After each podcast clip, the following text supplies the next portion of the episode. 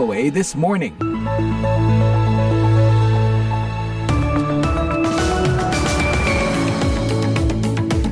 Selamat pagi, welcome to VOA This Morning yang kami siarkan dari Studio 17 VOA di Washington DC bersama saya Rifan Dwi Astono. Apa kabar?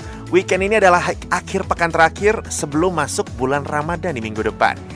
Ada rencana khususkah untuk weekend kali ini? Semoga akhir pekan Anda menyenangkan ya. Tapi sebelum kita mulai weekendnya seperti biasanya dalam edisi hari Jumat, tanggal 17 Maret 2023 ini, redaksi VOA sudah menyiapkan sederet berita hangat dari Indonesia dan mancanegara. Di antaranya, Presiden Joko Widodo mengapresiasi tingginya minat investor Singapura untuk menanamkan modalnya dalam mega proyek pembangunan ibu kota Nusantara what Nusantara offers and to interest them in the project. And we will encourage Singaporean entrepreneurs and companies to participate in this. Pemimpin tertinggi Korea Selatan dan Jepang hari Kamis memuji babak baru dalam hubungan bilateral dan setuju untuk memulihkan kunjungan rutin ke negara masing-masing. Hari ini Jepang telah mencabut pembatasan ekspor tiga barang dan Korea Selatan mencabut gugatan di WTO. Jangan lupa siaran ini juga bisa Anda simak secara live streaming di situs kami www.voaindonesia.com atau dengarkan kapan saja melalui podcast VOA This Morning di platform podcast langganan Anda. Sebelum kita bahas dua informasi utama tadi, kita simak dulu berita dunia pagi ini. Inilah berita dunia VOA Washington. Serangan Rusia terhadap warga sipil di Ukraina termasuk penyiksaan dan pembantaian yang sistematis di wilayah-wilayah pendudukan digolongkan sebagai kejahatan perang dan mungkin termasuk dalam bentuk kejahatan kemanusiaan menurut laporan hasil penyelidikan yang didukung PBB hari Kamis. Laporan lengkap tentang masalah hak asasi manusia itu diterbitkan setahun setelah serangan Rusia terhadap sebuah gedung teater di Mariupol yang menewaskan ratusan pengungsi di dalamnya. Laporan itu mengutuk Rusia yang merupakan anggota tetap Dewan Keamanan PBB. Di antara kemungkinan tindak kejahatan kemanusiaan itu adalah serangan berulang yang menyasar infrastruktur warga Ukraina sejak musim gugur lalu yang membuat ratusan ribu penduduk kehilangan akses penghangat ruangan dan listrik selama musim dingin serta penyiksaan secara sistematis dan meluas di beberapa wilayah yang diduduki oleh Rusia. Uh, definitely those uh, cases cases of torture uh, uh, transfer of children and uh, keeping of uh, children without uh, uh, contact with uh, parents. Demikian pernyataan Jasmine Kazumhur, salah satu anggota komite penyelidikan tersebut. Penyelidikan itu juga menemukan tindak kejahatan yang dilakukan terhadap warga Ukraina di wilayah Rusia, termasuk anak-anak Ukraina yang dideportasi dan dicegah bertemu kembali dengan keluarga mereka, sistem penyaringan untuk memilih warga Ukraina yang akan ditahan, serta penyiksaan dan kondisi tahanan yang tidak berperi kemanusiaan. Inggris mengatakan pada hari Kamis akan melarang aplikasi TikTok di telepon genggam milik pemerintah pada hari itu juga. Langkah itu menyusul negara-negara barat lain yang melarang aplikasi video milik perusahaan asal Tiongkok itu atas alasan keamanan. TikTok semakin disoroti akibat kekhawatiran akan jatuhnya data pribadi pengguna aplikasi milik ByteDance itu ke tangan pemerintah Tiongkok sehingga merusak kepentingan keamanan barat. Keamanan informasi sensitif pemerintah harus diutamakan. Untuk itu, hari ini kami melarang aplikasi itu pada perangkat pemerintah. Penggunaan aplikasi pengumpul data lainnya akan terus ditinjau, kata Menteri Kantor Kabinet Oliver Dowden dalam sebuah pernyataan. Pemerintah Inggris telah meminta Pusat Keamanan Siber Nasional untuk memeriksa potensi kerentanan data pemerintah dari aplikasi-aplikasi medsos dan risiko akses dan penggunaan informasi sensitif. Amerika, Kanada, Belgia, dan Komisi Eropa telah lebih dulu melarang TikTok dari perangkat pemerintah.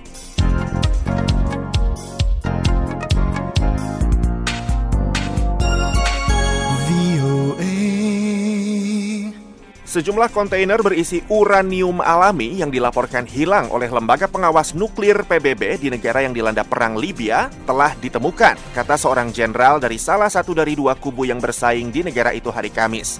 Jenderal Khaled Al-Mahjub, Komandan Divisi Komunikasi Pemimpin Timur Khalifah Haftar, mengatakan di laman Facebooknya bahwa kontainer berisi uranium itu telah ditemukan kurang dari 5 km dari lokasi penyimpanannya di wilayah Sabha di selatan Libya. Keadaan sudah terkendali, IAEA telah diberitahu, kata Mahjub kepada AFP. Pada hari Rabu, Badan Energi Atom Internasional atau IAEA di Wina melaporkan bahwa dua setengah ton uranium alami hilang dari salah satu lokasi penyimpanan di Libya. Menyusul pemberitahuan penemuan kembali uranium itu hari Kamis, IAEA mengaku sedang mencoba memverifikasi informasi tersebut. On ne peut.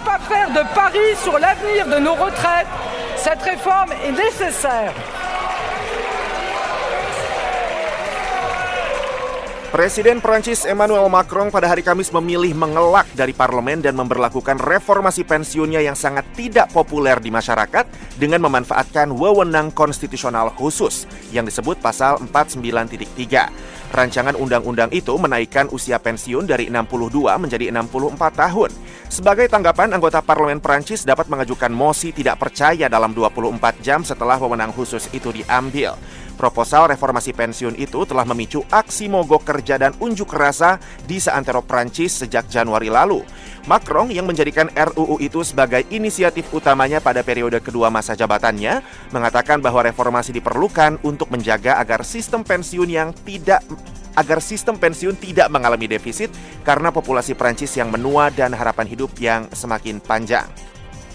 Sementara itu, Microsoft pada hari Kamis mengumumkan rencana terbarunya untuk menyediakan teknologi kecerdasan buatan atau AI kepada lebih banyak pengguna, menanggapi serangkaian pengumuman yang disampaikan pesaingnya, Google, pada pekan ini dengan berbagai upgrade pada produk perangkat lunak kantornya yang juga banyak digunakan. Perusahaan itu memperkenalkan AI baru bernama Copilot bagi Microsoft Microsoft 365, produk perangkat lunak kantornya yang mencakup Word, Excel, PowerPoint, dan Outlook. Demikian berita dunia VOA Washington. VOA This Morning, Presiden Joko Widodo bertemu Perdana Menteri Singapura Lee Hsien Loong dalam acara Leaders Retreat hari Kamis untuk mempromosikan proyek Ibu Kota Nusantara atau IKN dan menyepakati sejumlah kerjasama lainnya.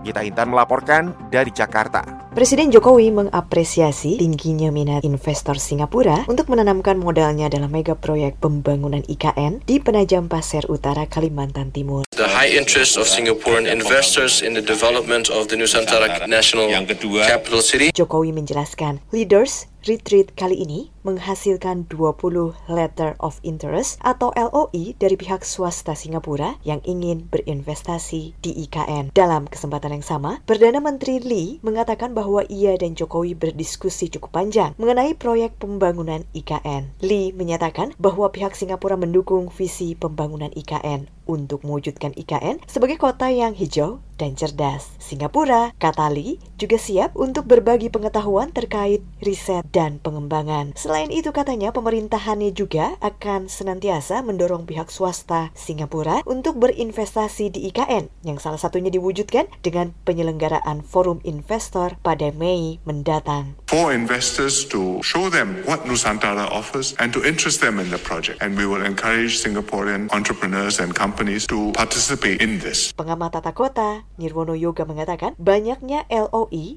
tidak menunjukkan bahwa proyek IKN sangat diminati. Para investor baik lokal maupun internasional masih menunggu hasil pemilu tahun 2024. Nirwono juga mengatakan terbitnya peraturan pemerintah nomor 12 tahun 2023 terkait pemberian perizinan berusaha, kemudahan berusaha, dan fasilitas penanaman modal bagi pelaku usaha di IKN tidak cukup berhasil meyakinkan investor untuk berinvestasi di calon ibu kota baru Indonesia tersebut. Menurutnya, strategi yang digelar pemerintah dalam mempromosikan pembangunan IKN Nusantara tidak tepat. Ia melihat sejauh ini pemerintah kerap mempromosikan kawasan inti pusat pemerintahan atau KIPP. Padahal menurutnya, seperti halnya di negara-negara lain, sebuah kota pemerintahan cenderung tidak menarik di mata investor karena kurang memperhitungkan kepentingan komersial. IKN, kata Nirwono, terdiri dari sembilan wilayah perkotaan atau WP, termasuk KIPP. Ia mengatakan, pemerintah seharusnya lebih mempromosikan 8 WP lainnya. Berkaca paling dekat seperti Canberra, di Putrajaya, di mana di situ fungsi utamanya kan pemerintahan. Terbukti kan kota-kota seperti itu tidak menggiurkan buat investor.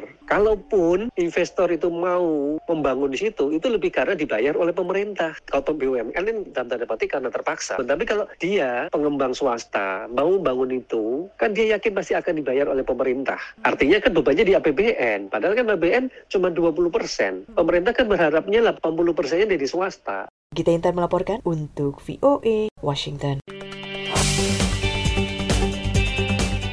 Pemimpin tertinggi Korea Selatan dan Jepang hari Kamis memuji babak baru dalam hubungan bilateral dan setuju untuk memulihkan kunjungan rutin ke negara masing-masing, serta meredakan ketegangan perdagangan dan lainnya yang telah berlangsung sejak lama. Berikut laporan selengkapnya. Ah, Cherry blossoms, isyarat tibanya musim semi, baru saja mulai berbunga di Tokyo minggu ini setelah musim dingin yang lama. Dalam konteks hubungan bilateral, Jepang hari ini menyambut kedatangan Presiden Korea Selatan yang pertama dalam 12 tahun. Demikian petikan pernyataan Perdana Menteri Jepang Fumio Kishida membuka konferensi pers bersama Presiden Korea Selatan Yoon Suk Yeol hari Kamis seusai melangsungkan pertemuan. Perjalanan Yoon ke Jepang kali ini adalah yang pertama yang dilakukan seorang pemimpin Korea Selatan dalam 12 tahun.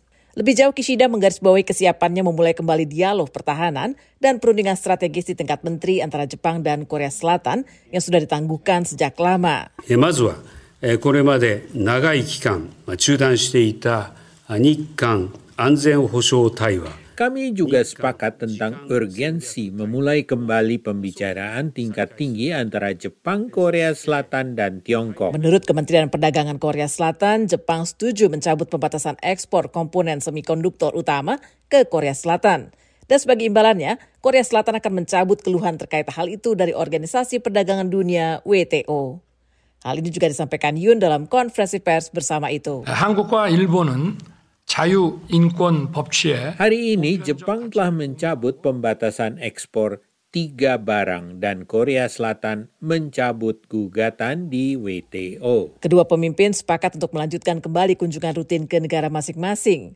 Lawatan yang biasanya disebut sebagai shuttle diplomasi itu telah ditangguhkan sejak tahun 2011. Yun dan Kishida juga sepakat untuk menormalisasi secara penuh perjanjian untuk saling membagi informasi intelijen yang dikenal sebagai GSOMIA.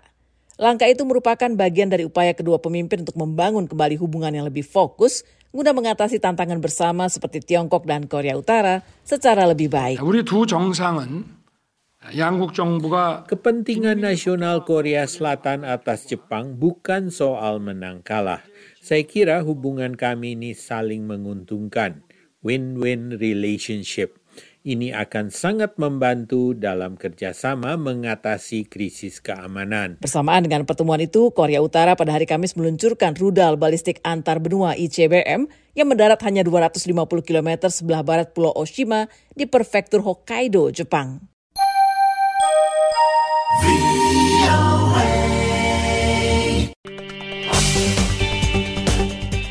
Analis Timur Tengah berbeda pendapat atas berita pemulihan hubungan diplomatik yang mengejutkan antara Arab Saudi dan Iran yang dimediasi oleh Tiongkok. Beberapa pihak memandang perkembangan itu berpotensi memiliki dampak positif untuk Lebanon dan mungkin Yaman, di mana Tehran berpengaruh besar. Tetapi pengamat lain bersikap waspada dengan beberapa anggapan bahwa Iran hanya berupaya meringankan tekanan yang dihadapinya saat ini.